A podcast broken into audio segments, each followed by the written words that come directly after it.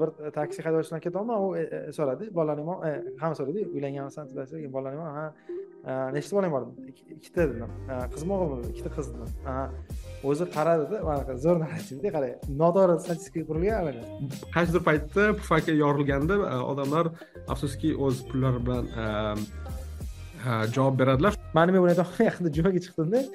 Jumada ham mana shuni gapiryapti masalan mana ayollar ko'proq deydi va hech qanday ijtimoiy tarmoqlar ishlatmaydi va o'ylaydiki chet elga a chet elga ketayotganda telefonini oddiy telefon olib ketadi. Ya'ni e, smartfon emas e, oddiy telefon sim karta tiqib ketadi чтобы e, uni geografik joylashuvini hech kim track qilmasligi uchun ya'ni masalan propagandani asosiy aytmoqchi vazifasi narrativlar yaratishda to'g'rimi a mana man topdim narrativ a zo'rini topdim qarang вообще zo'r. Mana man sizga aytgandimku o'zbekistonga kapitalizm kelsa mana shunday oqibatlar keladi bitcoinga ishonmaydi e, kriptoga ishonmaydi lekin bitcoini bor odamga o'xshaydi like share retweet pastda bosinglar hamma yoqda bank kerak emas. qoldiramiz pastda.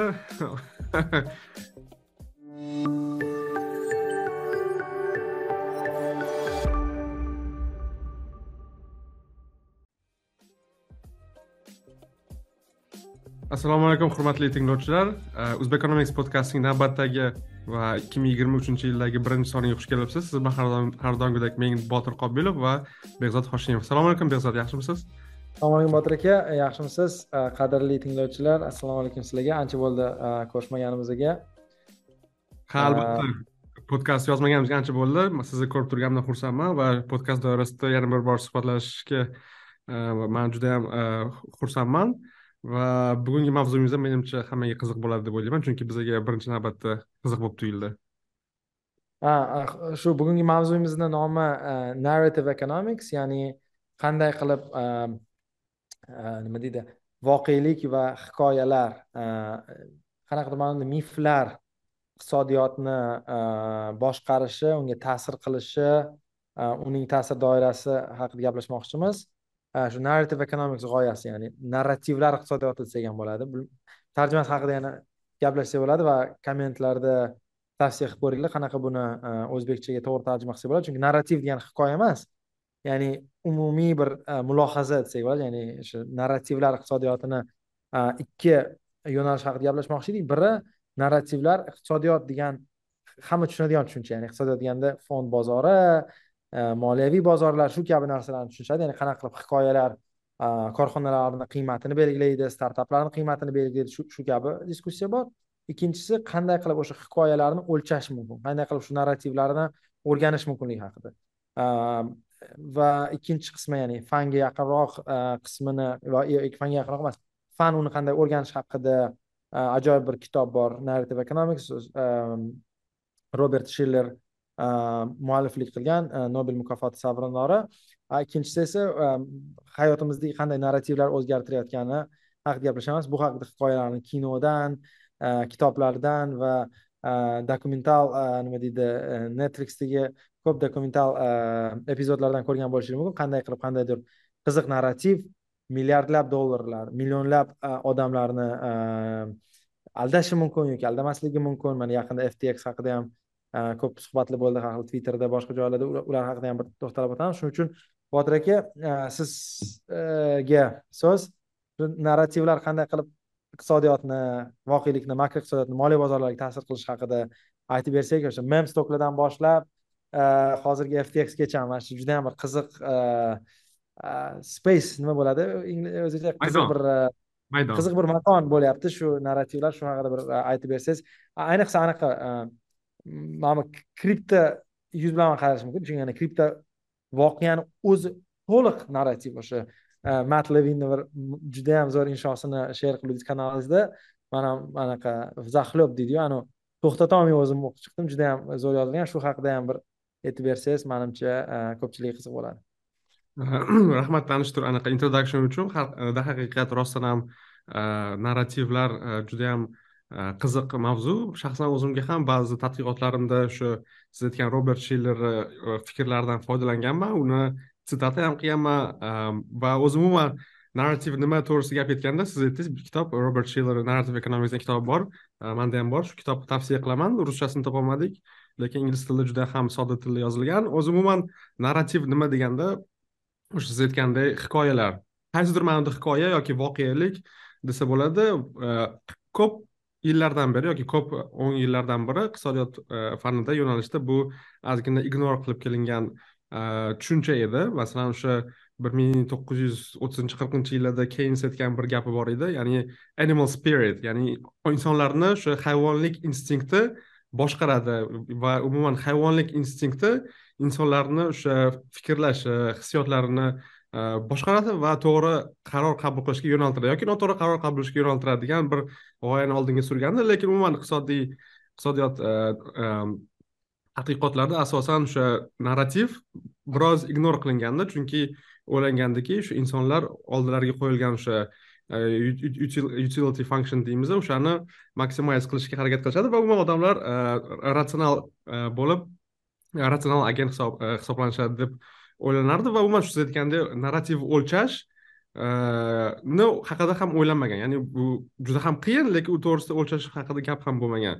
Э, manimcha hozir biz bitta rasm chiqarib qo'yamiz o'sha har bir yo'nalishda narrativ degan so'zni o'sha e, fan yo'nalishida qancha ko'p ishlatilishi masalan antropologiyada yoki psixologiyada yoki tarix e, yo'nalishlarida e, narrativ o'sha fanni dagi o'zgarishlar fandagi qanaqadir voqealarga tushuntirish uchun juda ko'p ishlatilgan iqtisodiyot yoki moliya yo'nalishlarida narrativ juda ko'p yillardan beri deyarli ishlatilmagan va insonlar hayoti yoki qanaqadir iqtisodiy voqealarni narrativ prizmasi orqali tushuntirish e, iqtisodiyotda yoki muhim deb bilinmagan yoki umuman tasavvur qilinmagan. E, lekin shu shu robert shiller e, shu haqida alohida kitob yozgan va shu g'oyani manimcha oldinga suradigan eng katta tafakkurlardan biri bo'lsa kerak deb bilaman. Endi narrativ sababi nima deb o'ylaysiz? Nimaga iqtisodchilar mana shu shillerdan oldin bunga ahamiyat berishmagan? O'lchash qiyinmidi uni ya'ni matematik ana qilish qiyinmidi mana sabablari nima nima uchun bu mavzu ya'ni nisbatan yangi masalan boshqa mavzulardan farqli yaxshi savol yaxshi savol man ham qiynaldim chunki nima yoki nima uchun antropologiya yoki psixologiyada ular ko'p asosiy fanni o'zagi narrativ lekin iqtisodiyotda ignor qilib kelingan bilmadim qisman siz aytgandek shu o'lchash qiyin e, va umuman e, narrativ deganini e, quantify qilish ya'ni qandaydir bir miqdorda o'lchash qiyinchiligi bo'lsa kerak. Lekin undan ham muhimrog'i umuman o'sha narrativlar insonlarni qaror qabul qilishida hech qanday o'rinni egallamaydi yoki egallaydi deb o'ylanilmagan ham. Masalan inson oldida masalan yoki aytaylik ko'z bilan ko'rishimiz mumkin bo'lgan там interest rate yoki Э, talab va taklif va qanaqadir quantify qilish raqamlarga tushirish mumkin bo'lgan e, narsalar e, insonlar xatti harakatini boshqaradi deb o'ylanilgan lekin umuman olganda menga ham qorong'i asosiy sabablari. O'zingiz nima deb o'ylaysiz? Ha yo'q man ham o'ylaymanki qanaqadir. E, Anaqa jiddiy narsa emasu masalan da qanaqadir hikoyalar nimagadir ta'sir qilishi mumkin lekin odamlar iqtisodiy qarorlar qabul qilayotganda Э, juda o'ta ratsional o'ta sovuqqonlik bilan qiladi degan bir e, narrativ mavjud edi iqtisodiyot fanida. Mavjud shu behavioral iqtisodiy ya'ni mana shu e, kahneman tversky boshqalardan oldin ya'ni iqtisodiy agentlar ayniqsa moliyaviy bozordagi agentlarni uber ratsional uber sovuqqon deb hisoblashardi. To'g'ri bozor o'ynaydiyu lekin e, o'ynash ham qanaqadir juda bir katta narsani o'zgartira olmaydi. Baribir oxirida in the long run degandagi hamma narsa bo'lib ketadi degan bir tushuncha bor ediki e, bu bu vaqtinchalik narsalar va katta ta'sirlari yo'q degan bir fikr bor edi. O'shanga e, e, o'shanga shunaqa deb o'ylayman va ikkinchisi qanaqadir o'sha regressiyani ichiga qo'yish qiyin edi ya'ni uni o'lchash qiyin. Masalan nima degan narrativ? Qanchalik kuchli qanchalik kuchsiz? Shu ikkita muammo deb manimcha fanda sal chetlatilgan. Bu mani shaxsiy fikrim unaqa shunaqa deb o'ylayman lekin hozirgi paytda u o'lchash ancha osonlashdi masalan narrativ nima degan degan savolni masalan shu bir ming to'qqiz yuz o'ttizinchi elliginchi yillarda emas hozir qo'yilsa uni regressiyaga qo'yish yoki bundoq raqam bilan ko'rsatib berish juda ham oson yoki nisbatan nisbatan oson yoki hech bo'lmaganda qayerda topish mumkin shu narrativni e, osonlashgan masalan ijtimoiy tarmoqlar masalan ijtimoiy tarmoqlarni rivojlanishi yoki umuman inson e, kundalik hayotda ijtimoiy tarmoqqa o'rni kattalashib ketgani sababli aynan shunday narrativlar paydo bo'lishi va tarqalishi juda ham osonlashdi. Ha man qo'shilaman fikrga. Masalan o'zi narrativ narrativ tarqalishi uchun yoki paydo bo'lishi uchun qanaqa xususiyatlar kerak deganda man bitta qiziq narsani ko'rib qoldim o'sha podkast tayyorlayotganda xuddi infeksiya kasalliklari yoki covidga o'xshagan masalan kasalliklarni tarqalishi bilan narrativ tarqalishi bir xil xususiyatlarga ega ekan. Masalan e, qandaydir e, hikoya paydo bo'ladi uni tarqalish uchun katta massa kerak. Ya'ni e, o'zaro tarqalishni boshlaydi va qandaydir zaif e, o'ljalar yoki zaif e, bo'g'inlar shikastlanganda qo'shtirnoq ichida buni tarqalishi yanada kuchayadi. Ya'ni kimdir kimlardir shu narrativni qanaqadir olovga kerosin sepgandek battar bo'rttirib yuborishadi va u qaysidir muntazam payt davomida juda ham aktual bo'lib turadi. Qanchadir muddatdan so'ng so'nadi narrativ. Xuddi Э, epidemik kasalliklarga э, o'xshab. Ya'ni xususiyatlari bir xilligi menga qiziq bo'ldi shuni. Э, ya'ni narrativni tarqalishini o'sha matematik anavi exponential ko'rsatib berishgan ekanda. И shuning uchun hozirgi zamonda hozirgi davrda masalan o'sha ijtimoiy tarmoqlar orqali yoki siz aytgan covid e, covid emas bitcoinni yoki kriptoni narrativi tarqalishini ko'radigan bo'lsak shu ijtimoiy tarmoqlarda ijtimoiy tarmoqlardagi influenserlar o'sha narrativni yanada bo'rttirib yuborishga anaqa e, faktor bo'la olishadi. Qarang masalan man agar anaqa spetsifik savol so'raydigan bo'lsamda man mana shu narrativ o'lchash haqidada e, u mavzu qanchalik dominant bo'lishi kerak u narrativ bo'lib qolishi. Mana man sizga hozir bitta misolni keltiramanda o'zbekistondagi narrativlar haqida gaplashmoqchiman ijtimoiy siyosiy narrativlardan biri manga qiziq ijtimoiy siyosiy narrativlardan biri e, e, demografik narrativlardan biri o'zbekistonda tug'ilish ko'p degan narrativ mavjud. Ikkinchi narrativ o'zbekistonda ayollar ko'proq degan narrativ bor. Ikkovi ham hozir xato narrativlar haqida gapiryapman. Ikkovi ham xato narrativda qanaqa mana narrativ deyapman masalan ixtiyoriy odam bilan gaplashsangiz bu g'oya to'g'riligiga ishonch bor. Va bu ishonch ikkita e, va bu ishonch bir nechta manbalardan oziqlantiriladi. Masalan e, maktablarda ham mediada ham boshqa joylarda ham qanaqadir mif borki o'zbekiston tug'ilish baland vaholanki masalan e, bizni qo'shnilarimizga yoki bizdagi daromadli mamlakatlarga solishtirsak bizada masalan total fertility rate ya'ni tug'ilish e, anaqasi reyti juda pastda.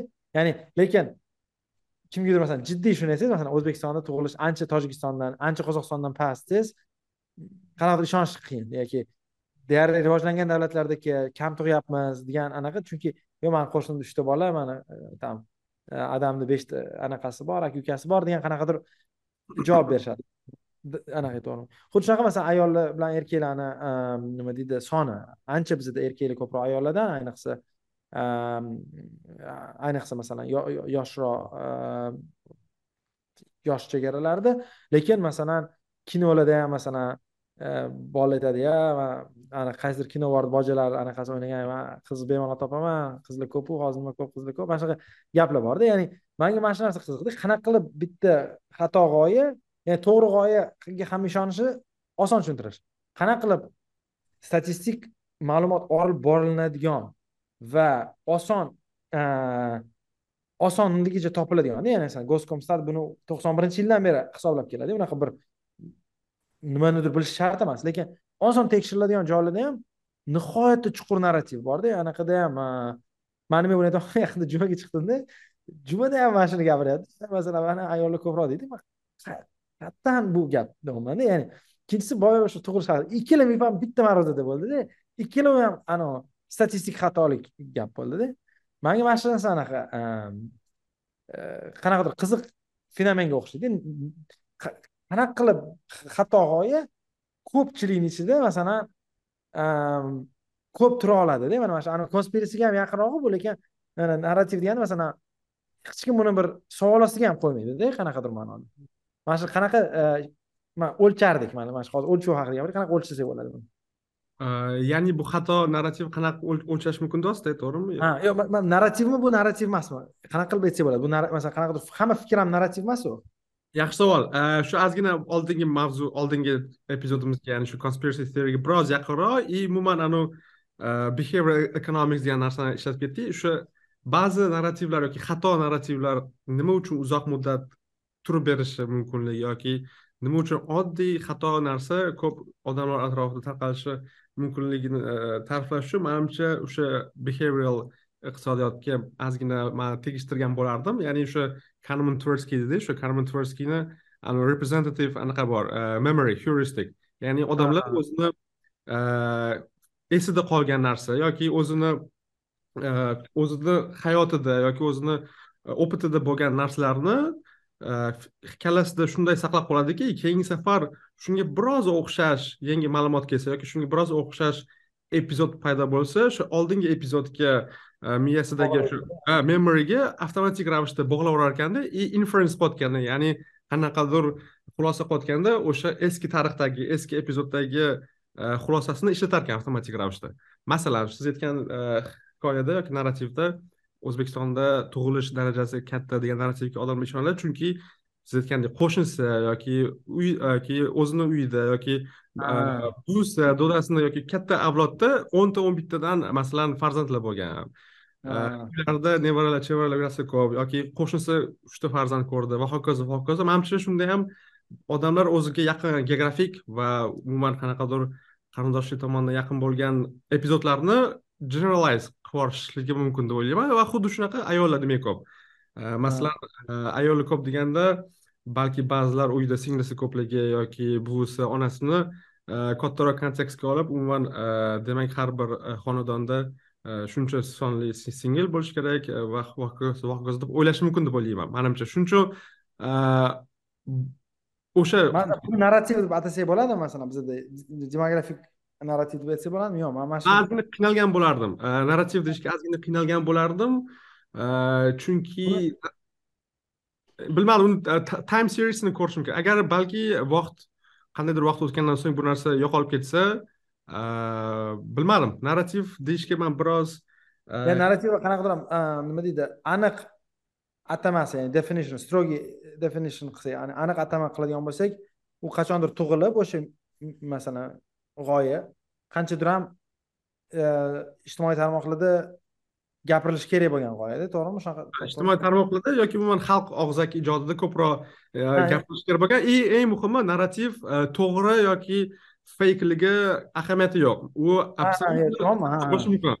Yoki to'g'ri gap ham bo'lishi mumkin narrativ masalan o'shaning uchun misol keltirish mumkin. Masalan ijtimoiy tarmoq bo'lmagan paytda ham oddiy biz iqtisodiyotda biladigan gap savolingizdan sal uzoqlashaman lekin javob berishga yordam beradi deb o'ylayman masalan iqtisodda bilamiz anavi yaqinda nobel mukofotini olganda e, diamond devikda bank run bor. Ya'ni bankka odamlar e, pullarini depozitlarini ommaviy ravishda borishlari natijasida banklarda likvidlik yo'q tushib ketadi va banklar e, bank tizimi bankrot bo'ladi. Ya'ni o'sha yerda ham narrativni o'rni juda yam katta ekan. Masalan bir ming sakkiz yuz to'qson bir ming sakkiz yuz yetmishinchi yillardagi qaysidir yillarda aqshdagi krizisda ham xuddi shunaqa bank run bo'lgan lekin uni kelib chiqqan hikoyasi e, noto'g'ri. Ya'ni odamlar odamlar orasida gap tarqalganki e, e, treasuryda ya'ni aqsh xazanchiligida pul qolmadi degan shunga o'xshagan g'oya paydo bo'lgan va odamlar oddiygina bankka borishi borishgan hech qanday sabablarsiz. Ya'ni shu qandaydir bir hikoya natijasida ya'ni kurs beradiki shu noto'g'ri narrativ ham juda ham katta iqtisodiy oqibatlarga olib kelishi mumkin. Lekin lekin o'zini o'zi tasdiqlovchi ham bo'lib qolar ekanda ya'ni self reinforce xuddi shunaqa. O'zini o'zi tasdiqlaydi ya'ni bu bankda puli yo'q deb o'ylashsa kimda masalan bankda pul bor. Pul yo'q deb o'ylashsa lekin hamma depozitorlar bittada pulni tortib olsa bankda rostdan ham pul qolmaydida endi. Xuddi shunaqa. bitta gap bor ekan ya'ni kimdir e, hozir avtorini bilmadim irlandiyalik aytgan ekan depozitorlardan bittasi bankda ya'ni mani pulim e, shu yerda tursa mani pulim bankda tursa masalan manga pul kerak emas. Mani pulim turaversa manga pul kerak yo'q lekin mani pulim bu bankda turmasa demak manga pul kerak degan gap bor ekanda. Ya'ni e, bankda tursa manga pul kerak emas. Mani pulim bankda turmasa manga pul kerak. Ya'ni aytmoqchiki bankka masalan bank masalan istalgan narsa xolangizni yostiqniki ham bo'lishi mumkin. Ya'ni aytmoqchiki ishonch ya'ni shu masalan bankka bo'lgan ishonch shunday shunday ekanki agar pulim shu yerda tursa va qolganlarni ham puli shu yerda tursa demak mani pulim bormi yo'qmi qizig'i yo'q. Ya'ni man bankka borib bankrun qilmayman. Lekin agar pulim e, u yerda turmaganligini bilib qolsam yoki pulim u yerda bo'lmasligini bilib qolsam demak menga pul kerak bo'ladi va o'z o'zidan bugun talab qilishni boshlayman degan e, shu ham narrativ. Qurilgan ekan. Shuning uchun endi tushundim. Manimcha u o'zbek tilida g'alati eshitilar ekan lekin sal anavi eshitib ko'rsam anaqa ingliz tilida to'g'ri o'zbek tiliga tarjimada tarjimasida qanaqa aytgan? Masalan ingliz tilida bilgan bo'lsak. My money is here i don't need my money but if my money is not there then i need my money. Shunga o'xshash manimcha shu mana bu kitobda ham yozilgan. Agar shiller narrative economicsni o'qib ko'rsanglar balki e, o'sha yerda ko'rish mumkin yoki pastda linkda qoldiraman. Ya'ni narrativ e, bir xillarda to'g'ri bo'lish masalan man endi ijtimoiy narrativlarni qarayman masalan iqtisodiy narrativlarni e, narrativlar eng muhimlaridan biri manimcha iqtisodchilarga qiziqqani ham o'sha fond bozori bankda pul qolmaslikdan boshlangan masalan fond bozorida nima masalan bu kompaniya bankrot bo'ladi deb o'ylashsa yoki puli yo'q deb o'ylashsa hamma uni short qilib sotish boshlasa u ham o'zini o'zi tasdiqlovchi bo'lib qolishi mumkin ya'ni kompaniya kapitalizatsiya tushib ketsa keyin moliyaviy imkoniyatlari ham kam qoladida ya'ni masalan tashqi bozordan bond xullas kapitalizatsiya ham baribir muhim kompaniya kundalik hayot uchun va hamma sotib yuborsa u nolga tushib qolsa qiyinga qiyin ahvolga kirib qoladi e, korxona. Ya'ni u u xatomidi u to'g'ri farq natijasi xuddi to'g'ridek bo'ladi. Ya'ni masalan xuddi shunaqa bankda ham man endi nima ijtimoiy narrativlarni aytyapman ko'p e, insonlar masalan iqtisodiy narrativlarni bilmasa ham masalan ijtimoiy qanaqadir to'g'ri narrativlar man o'zbekistonga yana qaytib kelmoqchiman. Masalan bitta narrativlardan biri deylik ko'pchilik o'zbekistonliklar rossiyada ishlaydi degan narrativ bor. U balki haqiqatga yaqin chunki statistikani ko'rsa bo'ladi. Bir nechadir million o'zbekiston fuqarosi e, deylik rossiyada chegarasini o'tgan. Demak qanaqadir qismi o'zbekistonda emas va shuni atrofida qurilgan qanaqadir xulosalar to'g'ri narrativga e, qo'yilgan bo'lishi mumkinda. E, lekin qanaqadir bir misol topish kerakda o'zbekistonda bu narrativ xato bo'lganini biz yetib kelganimiz haqidami? Ya'ni aytyapsizki xato narrativ e, bormi? Ya'ni anavi sizga aytayotgan migrantlar hikoyasi sal to'g'riroq. Ha u to'g'ri narrativda lekin masalan man hozir boyagi aytgan ijtimoiy narrativlar bor masalan ayollar ko'proqligi yoki noto'g'ri narrativ ayollar ko'proqligi yoki o'zbekistonda tug'ilish ko'pligi haqidagi narrativlarni qanaqadir iqtisodiy oqibatlari kamroqda yo'qroq. Masalan oddiy e, o'sha ma'lumot bilan siz nima qilasizda masalan shu yoki o'g'il bolalar xato qilish uchun e, anaqa bo'lishi mumkin ya'ni e, imkoniyatidan boy berib hali qizlar ko'p deb o'ylab xato qilish mumkin lekin lekin masalan tug'ilish haqida hamda. Bitta narsa ikki marta xato bo'lishi mumkin. E, bir e, taksi haydovchisidan ketyapman u e, so'radi bolalarning hamma so'raydi uylanganmisan? keyin bolalarning ha nechta bolang bor? ikkita dedim. Qizmi o'g'ilmi dedi. Ikkita qiz dedim. O'zi qaradida manaqa zo'r narrativda qarang noto'g'ri statistika qurilgan anaqa aytdiki mani yoshligimda dedi o'g'il bola ko'proq edi dedi.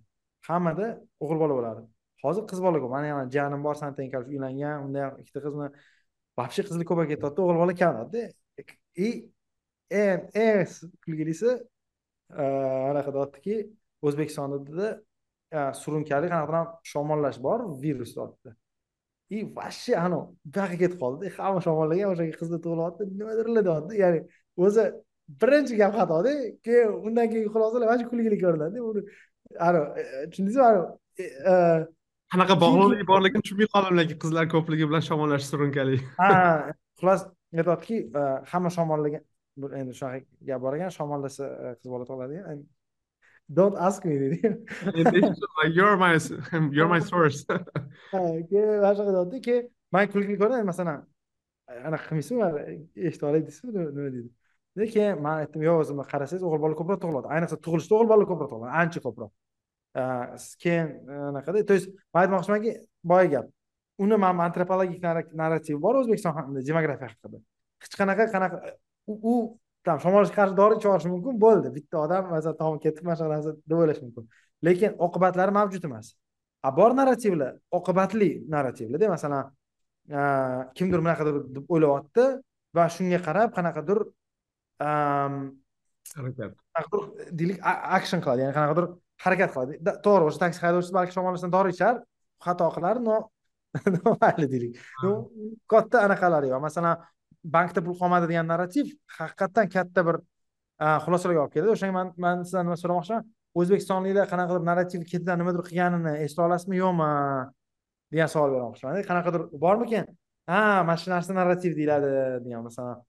Hmm, yaxshi. savol. Manimcha ozgina cheat qilaman. Chunki anavi conspiracy epizoddan ham balki esimda masalan o'zbekistonga rossiyada ko'rdim masalan. Balki o'zbekistonda ham bo'lganmi yo'q eng katta narrativlardan biri xato narrativlardan biri bill geyts bill geyts five g orqali bizni boshqarmoqchi bo'lgan narrativga kirsa kerak manimcha. Qanday oqibatlarga olib kelishi mumkin yoki o'shani asosida odamlar qanaqa harakat qilishi mumkin deganda ko'rdik. Masalan five g antennalarni yoqib yuborishdi yoki anavi stalbalarni biz tashlashgan epizodlarni ko'rdim masalan rossiyada. Endi o'zbekistonda balki yo'qdir lekin oqibatlari agar shu shu narrativga siz ishonsangiz qanday harakat qilish mumkin? Balki smartfondan foydalanmaslik yoki internetdan foydalanmaslik. Epizodlar bo'lishi mumkin deb o'ylayman. Manimcha xayolimga hozir kelgan birinchi narsa shunday. Va bu faqat bu faqat o'zbekistonlik emas aqshda manimcha siz ham taniysiz do'stimmi? Amerikalik bola bu narsaga biroz ishonadi boshqa spektrda. Ya'ni e, hech qanday ijtimoiy tarmoqda o'tirmaydi hech narsa ishlatmaydi. O'ylaydiki e, uni kimdir kuzatyapti deb o'ylaydi. Ya'ni ya'ni uni oqibatida masalan facebook ishlatmaydi venmo ishlatmaydi va va hech qanday ijtimoiy tarmoqlar ishlatmaydi va o'ylaydiki chet elga chet elga ketayotganda telefonini oddiy telefon olib ketadi. Ya'ni e, smartfon emas oddiy telefon sim karta tiqib ketadi чтобы uni geografik joylashuvini hech kim trak qilmasligi uchun ya'ni sim kartadan trak qilsa bo'ladiku eng oson endi u narrativga ishonadiki u smartfonni shunaqa qobiliyati bor deb o'ylaydi va manim yana bir manimcha shu narrativ o'zbekistonda ham masalan five gni bizani kontrol qilmoqchi degan narrativga ishonganlar o'ylashi mumkinki masalan telefonni bilmadim ishlatmaydimi yoki five g internet o'chirib qo'yadimi lekin boshqa misolni o'ylab ko'rishim kerak yana qanaqa lekin asoratli bo'lishi kerakda masalan narrativ bor uni qanaqadir oson man bitta narrativ a mana man topdim narrativ a zo'rini topdim qarang вообще zo'r moshinani rangi bilan narxi bog'liqligi o'zbekistonda narrativ borki oq moshinalar qimmatroqga sotiladi degan lekin наоборот oq moshina arzonroq bo'lardi shekilli. Yo'q yo'q наоборот oq moshina eng qimmat o'zbekistonda nimaga oq moshina ko'p? Hamma qimmat deb o'ylaydida hozirgi bu narrativ tijorat o'zgargan hamma moshinani rangi mana hozir любой olx kirsangiz hamma modelida endi qimmat mashinadan tashqari mana lasetti spark mana shunaqa nima deydi? Xalq mashinalari haqida gap ketyapti kia bo'lmagan mashinalar. Ha kia bo'lmagan kia yo'q endi man hozir e, e, aytaman nayklarimda yuribman xullas oq mashina qimmatroq bozorga borsangiz ham oq mashina qimmat. Sababi endi kir bo'lsa misol yomg'ir yog'sa ko'rinmaydi shunaqa sabablari bor. Issig'i yaxshi ko'taradigan mif bor bilmayman bu balki rostdir lekin ishlab chiqarish nuqtai nazaridan narxi bir xil o'zi masalan. Magazinda sotilishi bir xil. Oq mashina doim qimmat yuradi ikkinchi bozor. Shuning uchun hamma birinchi bozorda oq mashina olishga harakat qiladi. Ya'ni o'z o'zidan oq mashinalar bizada sun'iy defitsiti bor qimmat. Lekin yaqinda man hozir qayerdan olgan e, lasetti mashinasi gentra oxirgi bir besh yilda besh yilda qorasi qimmatlashni boshladi. Ya'ni qora lasettini qanaqadir qimmatroq narrativ shakllangan ayniqsa qora tonirovka qilingani e, va e, hozir qimmatroq ekan. Man o'sha oq lasetti taksida ketayotgandim shuni so'radimda lasettini qorasi qimmatroq rostmi desam rost dedida. Va aytdiki masalan yangisida bir ikki ming premium bor. Ya'ni ancha qimmatroq bo'lib qolgan. Lekin faqat lasettida ya'ni e, nexia ha kobaltda boshqa narsada u narsa yo'q. Ya'ni qanaqa ma'noda aytyapman narrativ. Qaysi mashina qaysi rang qimmatroq degan narsaga hamma ishonsa o'sha narsa qimmatroq bo'lib qoladi xolos. Ya'ni u uchun qanaqadir biologiyasi o'zgarishi kerak emas masalan agar bugun hamma ishonsa qora lasetti qimmatroq desa o'sha kundan binobarin lasetti qimmatroq bo'lishni boshlaydida. Mana shu qanaqadir mana shu qiziq narrativda ya'ni moshinani rangi ham abstrakt narsayu masalan agar butun mamlakatda hamma qora mashina qimmat deb o'ylasa qora mashina qimmat bo'ladi oq mashina qimmat deb o'ylasa oq mashina qimmat bo'ladi. Bitta mamlakatni ichida bu modelni bunisi qimmat deb o'ylasa bunisi qimmat bo'ladi bunisi qimmat bo'lsa va nimadir buni shakllantiradi. Manga taksist gap bo'yicha endi hozir mana shu podkastda uchinchi taksi haydovchini gapini aytyapman qaranglar moshinam yo'q moshinam bo'lganda unaqa gaplar bilmasdim. Moshinam yo'qligi uchun donate here dedik xullas ya'ni mani hozir axborot manbalarimdan biri taksi haydovchilari uni fikricha internetni deb internetdan maqtanish uchun odamlar qora tonirovkali qora lasetida yuradi nomerlarini qimmatga olib shu internet qora jentrani qimmat qildi degan gipoteza berdi manga aytdiki rasmlarga tushishga rasmlarga anaqa bo'ldi. U o'zi oq lasetti haydayotgan qorasini qimmatga sotib oqini olib farqiga yana nimadir qilibdida o'zi ya'ni o'zi bu gapni e, qanaqa aytib berdi. Shunga aytyapman mana qarangda masalan balki u rostdan ham shu e, uni uni fikricha instagram qora lasettini qimmatlashtirib qo'ydi deyapti. Man buni bilmayman shu shunaqa e, xususiyatlar ham borda zo'r momentlarni ilib oldim. Boshida konteksti anaqa nima edi e, hamma inson bir narsaga ishonsa u narxi oshib ketadi. E, ijtimoiy tarmoq dedingiz internetda maqtanish uchun dedingiz tagida hech qanaqa farqi yo'q. Oq bilan qora moshinani dedingiz. Xuddi shu narsa tushuntirish uchun masalan darslikka kirsa bo'ladi. Masalan bitcoin yoki tesla narxi xuddi shunaqa u bitcoin yoki kriptovalyuta kriptovalyuta yoki teslani bozordagi narxini belgilaydigan asosiy narsa bu o'sha investorlarni ishonchi. Ya'ni emas hozir teslani anaqasini aksiyasi aksiyasini aytyapmiz to'g'ri. Uni narxini belgilaydigan asosiy narsa odamlarni ishonchi. Qancha ko'p odam yoki qancha ko'p sarmoya investorlar uni kelajagiga ishonsalar uni narxi bugun e, o'z o'zidan baland bo'ladi. Masalan siz aytgandek tagida hech narsa masalan e, intrinsic valuesi bo'lmagan e, shartli bitcoinga hamma bugun ishonch natijasida uni narxi oltmish ming yetmish mingga chiqib ketishi mumkin. Lekin ertaga paq etib shu investorlarni ishonchi qaysidir sabablar tufayli masalan tushib ketsa bitcoin narxi ham shu shu shu tarzda tushib ketadi. Ya'ni shu o'sha kontekstda ham ijtimoiy narrativlar ham moliyaviy bozordagi narrativlar ham deyarli bir xil xususiyatga ega. И keyin o'zbekistonda man yana bitta harakatlarni qo'zg'atadigan narrativ esimga tushdi. Yosh o'sha yoshlikdagi memory xuddi boyagi kanaman tursga o'xshab ozgina qilgandim chiqib keldi. Yana bitta katta narrativlardan biri masalan toshkentda yashayotganlar oldindan bilishardi.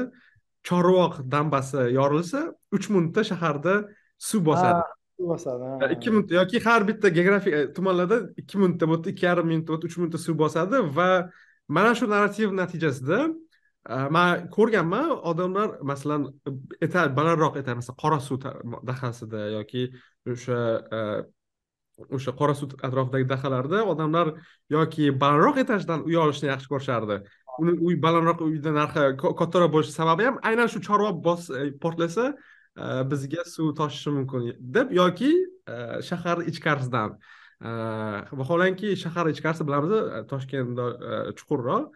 Suv to'lsa birinchi bo'lib shahar ichkarisi to'ladi.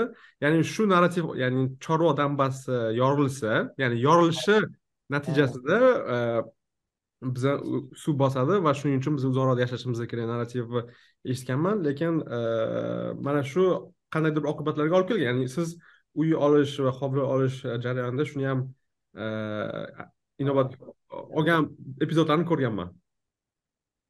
Ha qiziq qiziq narrativ ekan. Ya'ni e, man eshitgandim mana shu chorva suv bosishini haqida narrativ. Juda mashhur edi keyingi paytda ko'pchilik bilmagan bo'lib qoldi. Oldin man ham juda ko'p eshitganman. Nechi qancha daqiqada anhor bo'ylab keladi? Havzasi oshib ketadi. Qora suvda qora suvlarda ko'p bo'lganmanda o'sha yerda ham odamlar aytardi mif deyishardida. Bundoq o'ylab damba yorilsa uch minutda suv bosadi o'ttiz sekund o'ttiz sekundda suv bosadi bizani vaqtimizda yo'q shuning uchun teparoqda yashashimiz kerak beshinchi etajda lekin siz aytgandek hozir man ko'p bu kattaroq avlod avlod paytida eshitganmanda hozir yoshlar manimcha bu haqida eshitmagan bo'lishi ham mumkin.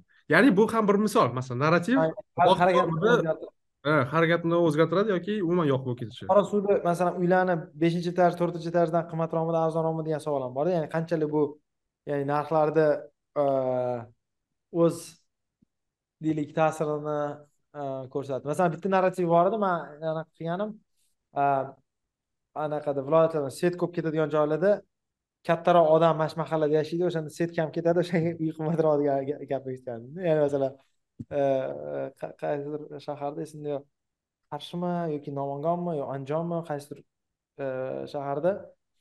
Man masalan bu hokimni mahallasi deyishardi. Endi o'sha paytda hokimlar ko'p yillab o'tirardiyu endi bu narrativ emas faktdir deb bu chunki endi narrativ qanaqa quriladi masalan boya aytgan bir xil narrativlar haqiqatda ya'ni haqiqat ustida quriladi lekin как бы qanaqadir ma'noda anaqaga kirib ketadida обиходga kirib ketadi. Masalan ya'ni narrativ degani faqatgina yolg'on bo'lsa emas demoqchiman ya'ni masalan to'g'ri. anavi lasetti misoli ham lekin yolg'on emasda u qimmatroq hmm. ya'ni sababi farqi yo'q nima uchun qora lasetti qimmat? Yoki sababi farqi yo'q nima uchun mana bu uy ha yo'q bu yerda sababi bor u yerda svet komfort beradi. Sal farqli xullas man bilmadim qanaqa buni e, qilishni lekin o'zbekistonda ham narrativlar mavjud degan fikr bermoqchi. Ya'ni faqat bu tesla masalasi yoki aqshdagi bitcoin emas haqiqatdan mana kundalik hayotimizdan qanaqadir narrativlardan tashkil topgan. Masalan bitta narrativ bu o'zbek soma. Ya'ni e, narrativlardan biri bu qog'ozni o'zbekiston respublikasini har hududida pul qilib olishadi. Masalan bu narrativ. Ya'ni bunga hammamiz ishonamiz hammamiz ishonganimiz uchun hammamiz ishonamiz. Ya'ni shunaqa bir shunaqa bir narrativda yoki aqsh dollari u ham masalan shunaqa narrativ ya'ni mana bu kitobda ham yozilgandi adashmasam именно shu til gold standard masalan tilla standartdan ketish o'zi kechirilgandan keyin ham ya'ni nima uchun markaziy banklar hali ham masalan tillarni zaxirasini ushlab turibdi degan anaqa savolni qo'yganda o'sha mana bu kitobda ham shillerni kitobida ham manimcha shu gold standarddan valyuta gold standart olib tashlanishi to'g'risida yozilgandi ya'ni shu tilla standarti borligida aqshda bilardingizki sizni pulingiz tilla bilan anaqa nima qilingan bak bak qilingan lekin tilla standarti olib tashlagandan keyin nima uchun markaziy banklar haligacha tilla zaxirasini ushlab turishibdi? degan savolni qo'ydi va o'zim umuman shu qog'oz ham e, qaysidir ma'noda shu narrativ narrativda qurilgan. Masalan bilasizki siz e, nima uchun aqsh e, o'sha kazanchi qog'ozlari va aqsh valyutasi dollari rezerv valyuta sifatida har doim qolishini bilamiz chunki narrativ bor. Ya'ni aqsh hukumati hech qachon bankrot bo'lmaydi. O'sha ularda o'sha pechat stanog'i bor degan narrativ asosida qurilgan. Shuning uchun xuddi shunaqa masalan endi bilmadim masalan bitcoin kripto to'g'risida e, ozgina gaplashdik lekin unda ham asosiy fundamental narsasi narrativ. Odamlar unga ishonishi va unga ishonadigan odamlarga ishonish. Masalan ilon mask ilon mask ham e, atrofida katta narrativ ya'ni twitter sotayotganda narrativ shundan iborat ediki o'zi yaratgan. Man free speech ya'ni erkin e, so'z erkin so'zni himoya qilish uchun sotib olyapman degandi lekin biz ko'rdikki statistik nuqtai nazardan twitter sotib olingandan so'ng e, aynan o'sha free speechga tazyiqlar ko'paygan epizodlarni ham ko'rdik masalan.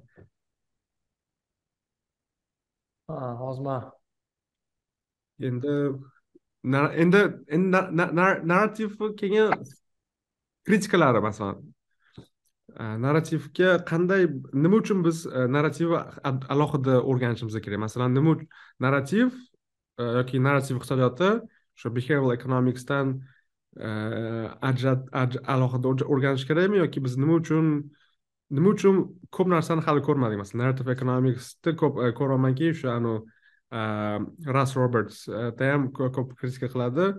Nima uchun biz robert shiller kabi fikrlarga ya'ni devils advocate bo'lmoqchimanda nima deb o'ylaysiz? Nima uchun narrativlarni biz jiddiy qabul qilmasligimiz kerak ba'zida endi devils advocate bo'ladigan bo'lsa то есть kritika qiladigan bo'lsak buni aytishimiz mumkinki o'sha boyagi gap nima uchun bu o'rganilmaganligiga aytishimiz mumkin qanchalik bu jiddiy masalan agar odamlar xato narrativga ishonsa baribir kunni oxirida jo'jani kuzda sanaymizu ya'ni deylik qanaqadir narrativ natijasida odamlar qanaqadir qarorlar qilsa va ular xato bo'lsa qanaqadir o'rganish tizimiga olib keladi va narrativlarga bormaslik yoki e, xato narrativlarga bormaslik va to'g'ri narrativlarga borish e, o'z o'zidan uzoq muddatda yo'q bo'lib ketadiku ya'ni bir birini qisqartirib oladiku degan fikr mavjud deylik masalan e, qanaqadir narrativ bo'ldi masalan deylik bitta korxonani sotib olish kerak degan fikr bo'ldi. Keyin bildik uni fundamental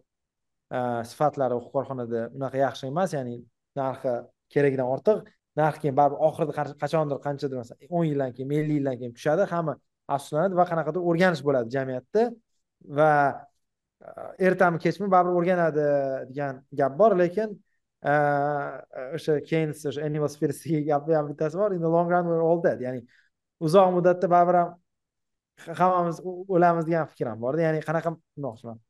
Umuman olganda narrativlar fundamental ravishda hamma narsani har doim xato bo'lishi Э, e, imkonsiz chunki baribir oxirida e, inglizcha bor chicken comes to the rooster ya'ni baribir oxiriga keladi bu narsa. Shu uchun aytishimiz mumkin unchalik qiziq emas odamlar xato qiladi lekin umuman olganda qisqarib ketadi e, deyishimiz mumkin. Lekin e, shu bilan birga yana kritika ko'rishga harakat qilaman narrativlarni ya'ni bittasi shu baribir oxiri narrativlar xato bo'lsa o'rganiladi to'g'ri bo'lsa to'g'ri ya'ni evolyutsion tartib ikkinchisi aytardimki nima narrativ nima narrativ emasligini tushunishimiz qiyin masalan chunki bunday olib qarasa hamma narsa jamiyatda miflarni ustiga qurilgan. Masalan pul narrativmi bu? Yoki hozir aytganingizdek so'z erkinligi bu. Narrativ masalan e, qaysidir jamiyatda bor qaysidir jamiyatda yo'q. Qaysidir jamiyatga ishonadi e, qonun e, hukmronligiga qaysidir jamiyatlarda kuch hukmronligi mavjud. Ya'ni afg'onistonda kimda miltig'i ko'p bo'lsa o'sha boshliq. Aqshda deylik kim yozilgan abstrakt narrativlarda qonun degan narsani ustida haq bo'lsa mavjudda va shu bilan birga savol tug'iladiki nima narrativ nimani tushunamiz? Masalan voqelik fizik voqelikni tushunamiz masalan bir xil narsani tepib ko'rsak bo'ladi kompyuter tegsak bo'ladi telefonni tegsak bo'ladi qo'limiz bilan ushlab ko'rsak bo'ladi. Narrativ yoki mifologiya yoki konspirologiyani ushlab ko'rish qiyinda o'shanga konstitutsiya bu narrativmi yoki mifmi yoki reallikmi degan falsafaviy savollarga kelib qolamizda o'shanga narrativli iqtisodiyotni boshqaradi desangiz ha ha yo'q hamda chunki konstitutsiya qanaqadir narrativ ustida qanaqa narrativ ustida hamma insonlar teng hamma insonlar teng huquqli bo'lishi kerak davlatni vakolatlari cheklangan bo'lishi kerak degan qanaqadir narrativga hamma ishonib qolganligi uchun mavjud. Agar u narrativga kimdir ishonmasa u to'xtab qoladi. Ya'ni yozilganligi farqi yo'q. Buni biz hammadan yaxshi bilamiz. Ya'ni nima yozilganligi muhim emas u narrativga hamma ishonishi muhimroq shu uchun shu qismi bor. Ya'ni narrativlar chegarasi qayerda boshlanadiyu qayerda tugaydi sal shubhali. Ya'ni man narrativlar mana shunaqa qilgan bo'ladi. Narrativlarni o'rganishni mana shu ikki tarafdan qilaman biri qayerda boshlanadi qayerda tugaydi chegarasi nima ikkinchisi oxirida baribir misol uchun xato narrativli bo'lsa ham odamlar o'rganadiyu degan tanqidim bo'ladi lekin ikkoviga ham javobim mavjud. Hmm, qiziq qiziq qiziq.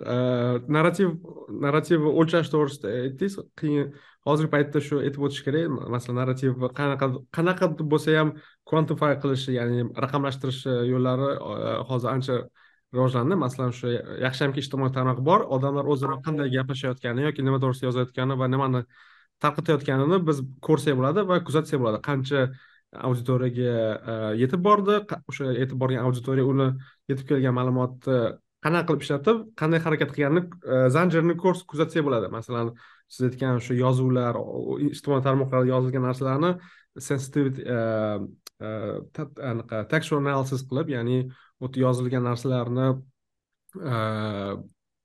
raqamlashtirish natijasida qanaqa bo'lsada shaklga keltirish mumkin.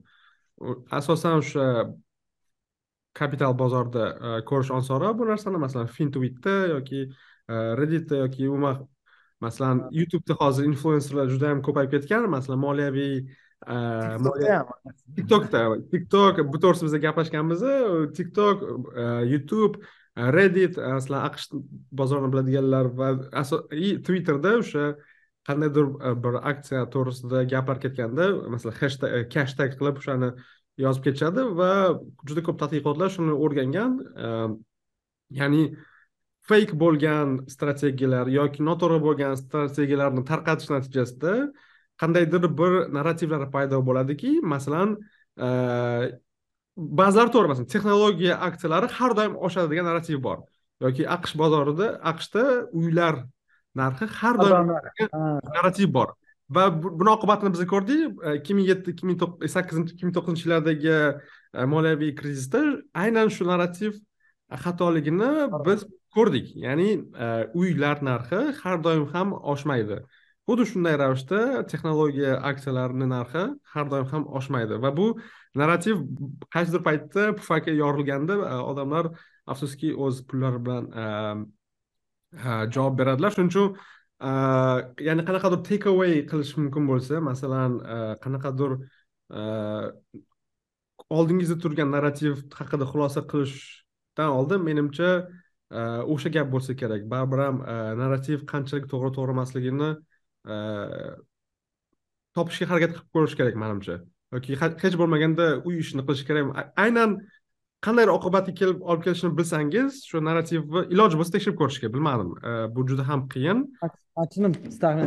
Masalan mana mana misol keltiraver oq qora oson e, tekshiriladigan misol. Masalan deylik rossiyani mediasida ukrainaga nisbatan ukrainada fashistlar hukumatni egallab olgan natsistlar hukumatni egallab olgan u yerda hammasi natsist degan narrativ mediada sun'iy yaratilgan edida masalan propaganda. Masalan propagandani asosiy aytmoqchi vazifasi narrativlar yaratishda to'g'rimi? Ya'ni kimdirni dushman deb ko'rsatish kimdirni do'st deb ko'rsatish kimdirni yaxshi deb ko'rsatish kimdirni yomon deb ko'rsatish. Ya'ni masalan deylik ukrainada natsistlar degan narrativ bor. Bu hozir g'arb mediasida ham bor rossiya mediasida tarqatishni boshlagan. Lekin ikkinchi narrativ bor ukrainaliklar qahramonlar ular o'z yurtini deylik himoya qilyapti degan narrativ borda.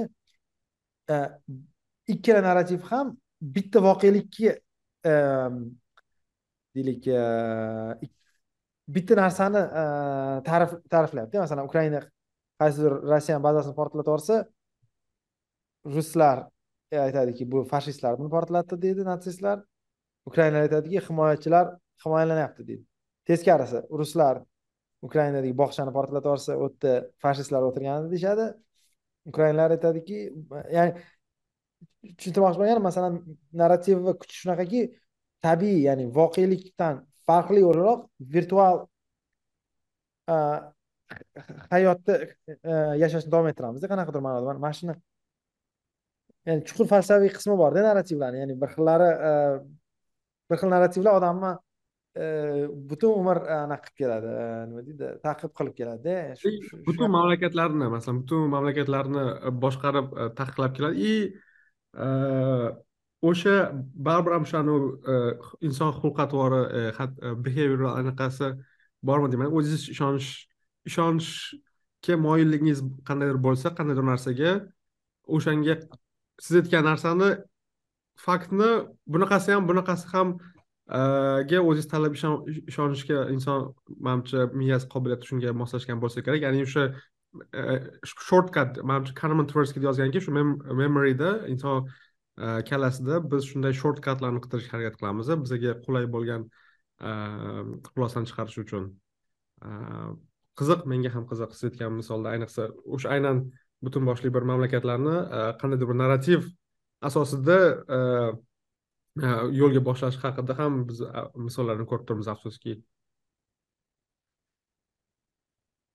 Hozir o'ylayapmanda mavzuyimizni такой qisqa iqtisodiy narrativlar xudoga xohlasa hamma narsa hayotda narrativda. Ya'ni qo'lingizda bolta bo'lsa hamma narsa mix ko'rinadiyu.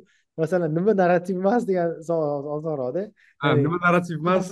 siyosat ham narrativ konstitutsiya ham narrativ. Ha siz shunaqa narsa narrativ chorvani portlashi narrativ dambani anaqasi narrativ konstitutsiya ham narrativ qildingiz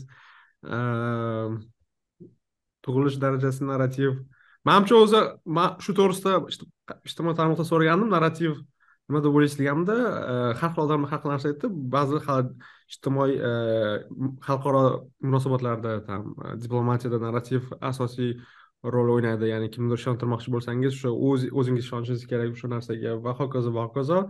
И qiziq narrativlardan biri o'sha masalan kapitalizm nima deb so'ragandim ko'pchilik sotsializmni fikrlarini kapitalizmni o'ylaydigan e, joylarini ko'rdim. Epizodlarni ya'ni e, shuni asosida biz e, kundalik hayotimizda masalan o'zbekistonda ham qandaydir bir o'zgarishlarni bu kapitalizmni salbiy oqibati deb tushunadi. Vaholanki kapitalizmni alomati bo'lmagan shu qaysidir joyda bu kapitalizmni oqibati ekan. Masalan daraxt kesish ham masalan daraxt kesilayotganda ba'zilar aytadiki mana man sizga aytgandimku o'zbekistonga kapitalizm kelsa mana shunday oqibatlar keladi. Pulni ketidan quvayotgan odamlar daraxtni ham kesib yubordi. Vaholanki aynan kapitalizm e, yoki o'sha kapitalizm so'zini olib tashlaganimizda shu erkin bozor va qoidalar ishlaydigan e, anaqada o'sha aksincha shu daraxtni o'zi e, kesilmagan bo'lardi masalan. Katta qiymatda daraxtni anaqasi. Chunki aynan shu pulga chek chaqsangiz shu daraxtni kesmaslik aynan shu kapitalizmni deydiyu anaqa desa shunaqa. Bilmadim yana nimadir qolib ketdimi narrativ haqida? Xullas mana shu kitobni o'qishni maslahat beramiz ya'ni boshqa tadqiqotlarni ham pastda aniqib ketsak bo'ladi. И agar odamlar obunachilar qandaydir fikr bo'lsa masalan qanaqa narrativ bor o'zbekistonda? Ijtimoiy siz aytgan ijtimoiy ijtimoiy iqtisodiy narrativlarni kommentlarda yozib keting biz o'qib albatta qiziq bo'ladi. Masalan man bilmagan oq qora kimdir oq qora gentra narxidagi farqni bilmagan bo'lishi mumkin yoki boshqa narrativlarni ha aytmoqchi oq qora jins haqida ham manda n of bir ya'ni bitta odam manga shuni gapirib berdi. Keyin man gapirgandan keyin anavi mm, o'zbekcha saytlar bor anavi anaqa ishlatilgan moshinalar sotiladigan kirib tekshirib ozgina ya'ni o'sha moshina. Sal ko'rdim lekin aniq ikkita bir xil moshinani topishim kerak va u yerdagi narxlar reprezentativligi balki man ko'rganim balki qoradagilar ko'proq aytib lekin sotilish narxini bilmaysiz ya'ni u qo'yilgan narx degani anavi clearing price emas u misol uchun qora lasetti o'n million desa oq lasetti sakkiz million lekin u degani sakkiz millionga sotiladi emas. Man ham sal tekshirib ko'rdim uni gapidan keyin. Qiziq ko'rindida kirib anaqa qildim e, moshina sotiladigan shu saytga kirib ko'rdim sal to'g'riga o'xshadi. Lekin kimdir masalan moshina bozorida e, tajribasi bo'lsa yozishsa bo'lardi. Bu narrativ qanchalik to'g'ri? Agar o'sha boyagi e, taksi haydovchini gapi rost bo'lsa va instagram buni birinchi ikkita narsa tekshirdik birinchisi bu bormi yo'qmi? Deylik bu rost. Qoralar qimmatroq e, qora jentralar qora jentralar qimmatroq bo'lsa nima uchun ular qimmatroq degan savolga javob berish kerak va time seriesni ko'rish kerak. Nima ma'nodaki? Uni fikricha oldin jentralar hamma boshqa mashinalar kabi oqlari qimmatroq yurardi faqat yaqinda qoralar qimmatroq. Bu ham agar kimdir ma'lumot yig'ib yurgan bo'lsa statistik tekshirish mumkin bo'lgan ma'lumotda ya'ni instagramda ana hamma narsada anaqa iqtisodiy anaqa qidiramanda nima deydi tadqiqot qidiramanda lekin lekin bu time series deganingiz mani esimda ikki ming o'n uch o'n to'rtinchi yilida qora lasetti qimmatroq bo'lardi oqdan ko'ra o'sha paytda ham o'sha paytda o'sha paytda qora lasetti mani esimda aynan gentra emas lasetti oq lasettidan qimmatroq e, bo'lar edi e, birlamchi bozorda ham masalan shapka berayotganingizda ham ko'proq shapka berasiz и qora e, ikkilamchi bozorda ham sergelida ham masalan qoralik u paytda instagram bo'lmasa ham lekin baribir ham ikki bo'ladi instagram instagram ancha eski man ikki ming o'n birdan beri borman ya'ni tiktok tiktok yoki umuman masalan twitterlarda odamlar ijtimoiy tarmoqda o'zini ko'rsatish ko'proq manimcha yaqin paytlarda avjiga chiqib ketdi qiziq man man ko'rish kerak chunki agar ikki ming o'n uchda qimmat bo'lsa ani instagram nazariyasi bu yerda ishlamaydi yoki umuman instagram nazariyasi ishlashi mumkin lekin kattaroq fikrda masalan insonlarni oldida ko'rsatish yoki instagram bo'lishi shart emas masalan boshqa ko'chada yoki masalan instagram ko'chaga medium o'zgardi xolosda medium o'zgardi xolos lekin siz tanishlaringiz o'rtoqlaringiz oldida masalan choyxonaga borganda yoki boshqa kontekstda ham ishlasa kerak deb o'ylayman bilmadim. Ha manga ham qiziq masalan o'zbekistonda qanaqa narrativlar ha bitta narsa esladim. Sal eskiroq eskiroq emas yoshi kattaroq odamlar eslashi mumkin. Bir pichoq ilinmaydigan narrativ bor edi ya'ni gira. Gira e, tosh. e, toshni saqlasangiz boy bo'lasiz masalan odamlar yig'ib qo'yardi nima unaqa odamlarni podvolni kladovkasida anavi tosh ko'taradigan borku gira ha o'shaqa u ichida tilla bor yoki shu ichida tilla bor va u vaqt o'tgan sari narx qiymati oshadi degan bir qanaqadir narrativ bor yoshligimda man vaguely esimda borda odamlar to'plab qo'yardi podvoligi kladovkasi shu giralarni ichida temir jimda ishlatiladigan giralar ha jimda ishlatilgan tushadigan borku anaqa shuning uchun bizani uyda ham bo'lardi man bilmayman bitkoinga ishonmaydi kriptoga ishonmaydi lekin bitkoini bor odamga o'xshaydida mayli o'sha o'sha o'shaning uchun nafsangizni chop ko'r потом разберемся degan anaqa borku o'shaning uchun shunga o'xshagan manimcha anaqalar juda ko'p agar pul involve qilsa masalan pulni e, ishtiroki bo'lsa shu narrativda mana shuni tarqalish osonroq bo'lsa kerak. Odamlarni ishontirish e, o'shaning uchun bilmadim. E, obunachilar pastda kommentariyalar yozib qoldirishsa biz o'qib chiqamiz qiziq bo'lardi. Xullas shu manimcha bugungi mavzu haqida agar sizda qo'shimcha bo'lmasa behzod? Yo'q manda qo'shimcha yo'q lekin aytmoqchi bo'lganim ko'p hayotimizni jabhalarida narrativlarni o'rni juda ham anaqa ekan nima deydi chuqur ekan. Man podkastni yaxshi tarafi bir xillarda bor fikringizni ifodalash jarayonida ko'p narsaga anaqa qilasiz. Man narrativli deganda anavi boyagi aytganimdek masalan redditda ana e, gamestop aksiyalari narxi oshirgani shunaqa narsalar ko'zimga keluvdi endi bu anaqamizdan oldin podkastdan oldin hozir o'ylasam narrativ emas narsani o'zini topish sal qiyinroq ekanda. Hamma narsa qanaqadir narrativ qilingan bir xillari xato bir xillari to'g'ri lekin e, qanaqadir mifologiya desak bo'ladimi? E, Ishqilib qiziq mavzu va hozir iqtisodiyotda man yana bitta narsa aytib o'taman tekst analiz orqali ham ko'p narsa qilishyapti shu narrativlarni o'rganishda. Ha shuni aytdimku ma'lumotlarni kvantify qilish ancha osonlashib qolgan. Masalan shu odamlar tekst emas даже gapirayotgan videosini yoki siz o'zingiz yaxshi bilasiz o'sha orqali istalgan inputni kvantify qilish manimcha osonlashib qoldi. Shu orqali E, narrativlarni kuzatish e, iloji bor. Ya'ni manimcha hozir tadqiqotlar ko'payib ketdi.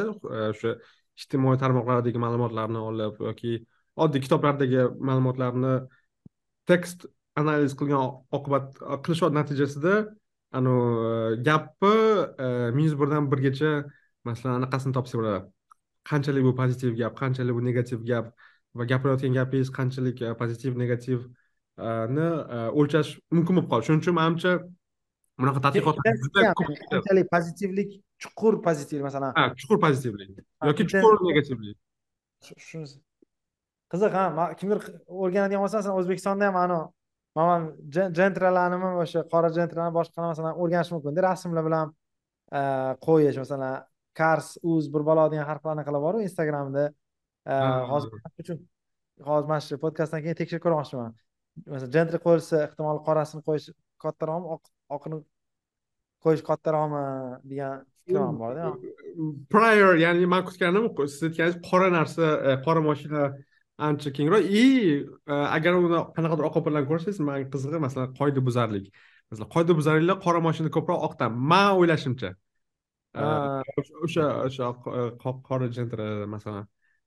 Inomarkalar ko'proq mashina anaqasini buzadi deyishadi nima deydi yo'l qoidalarini buzadi deyishadi lekin manimcha bu pul bilan korrelyatsiyasi borda ya'ni ular pora bera oladi shtraf to'lash ehtimoli bor ya'ni jazo muqarrar emas ularga do'st ya'ni bu bu qora mashina qilyaptimi yoki qora mashinani boyroqli haydaydi ular ya'ni jentradagi qora jentradagi qimmat lekin kamroq mashinani buzadigan mashinalar kamda o'zbekistonda kam anaqa masalan aqshda bor gap anavi bmw haqida miflar bor bilasizmi bmw sotib olishdan oldin ko'rganmisizmi bmwni bilmaydi anaqa bmw sotib olishdan oldin bunday anaqa ko'rsatdi keyin e, e, sir olishingiz oldin yana bitta kurs o'tishingiz kerak deyapti keyin kurs deb o'tirsa qanday qilib anavi e, inglizchada how to drive like an asshole one on one. Kursini o'tish kerakda keyin keyin kaliti beradi deyapti ya'ni shunaqa mif borki ya'ni bmw haydaydiganlar aqshda deylik yo'l qoidalarini ko'proq buzadi. Yoki yoki masalan ozgina rasist narrativ bor. Aziyatli yomon haydaydi moshina degan ayollar aziyatli yoki osiyolik millatga mansub odamlar e, ko'proq qoida masalan moshinani anaqasi bilan solishtiryapti bu yerda bmvda u nazariyada bor bmvdagi anavi tekshirish qiyinligi masalan mercedesga yoki narxi shunaqa anaqaga solishtirishga to'g'ri keladida sal qiyinroq. Bizada qora jentrani test qilishimiz uchun bitta muammosi bor. Anavi counterfactualimiz kamda masalan aqshda tekshirsa bo'ladi. Mercedesga solishtirib a bizada qora jentrani narxida moshina yo'qda yoki arzonroq bor yoki qimmatroq bor точно shunaqa narx e, topishimiz kerakda qora jentrani e, eski mercedes eski bmwlar shu e, qora jentra narxidagi o'n to'rt ming o'n besh minglik masalan mercedeslar ham o'shanaqa sal preference anaqasi likvidniy emasda ya'ni anavi n kichkina bo'lib ketadida judayam. Ya u ham narrativga qurilgan inomarka sotib olish inomarka sotib olsang запчастьлari topolmaysan va kuning kastapravda qolib ketadi degan anaqa narrativga qarshi bo'lganlar o'shani mashina sotib olishadi ha ya'ni u ham select sampleda ya'ni bizada unchalik ishqilib o'zbekistonda moshina bilan anaqani insonlarni xatti harakatlarni o'rgangan tadqiqotlarni qiyinligi bozorimiz juda likvid emas ya'ni kam tanlov kam anaqa anavi counterfactual qilishimiz qiyin ya'ni alternativani topishimiz qiyin mayli endi bu keyingi bir epizodga. Katta rahmat botir aka vaqtingiz uchun. Tinglovchilar katta rahmat sizlarga ham tinglaganingiz uchun birga bo'lganingiz uchun yangi yilni muborak bo'lsin. Rahmat behzod sizga ham. Yana bir bor uzr so'raymiz. Podkastlarimiz orasida vaqt oxirgi paytda cho'zilib ketdi. Biz ozgina xizmat safarida qolib ketgandik lekin har doimgidek va'da beramiz keyingisini tezda olishga. Ko'zni qisib qo'yyapti behzod hammaga rahmat. Layk share retweet pastda bosinglar. Hamma yoqda iban kerak emas. Qoldiramiz pastda hammaga rahmat. Rahmat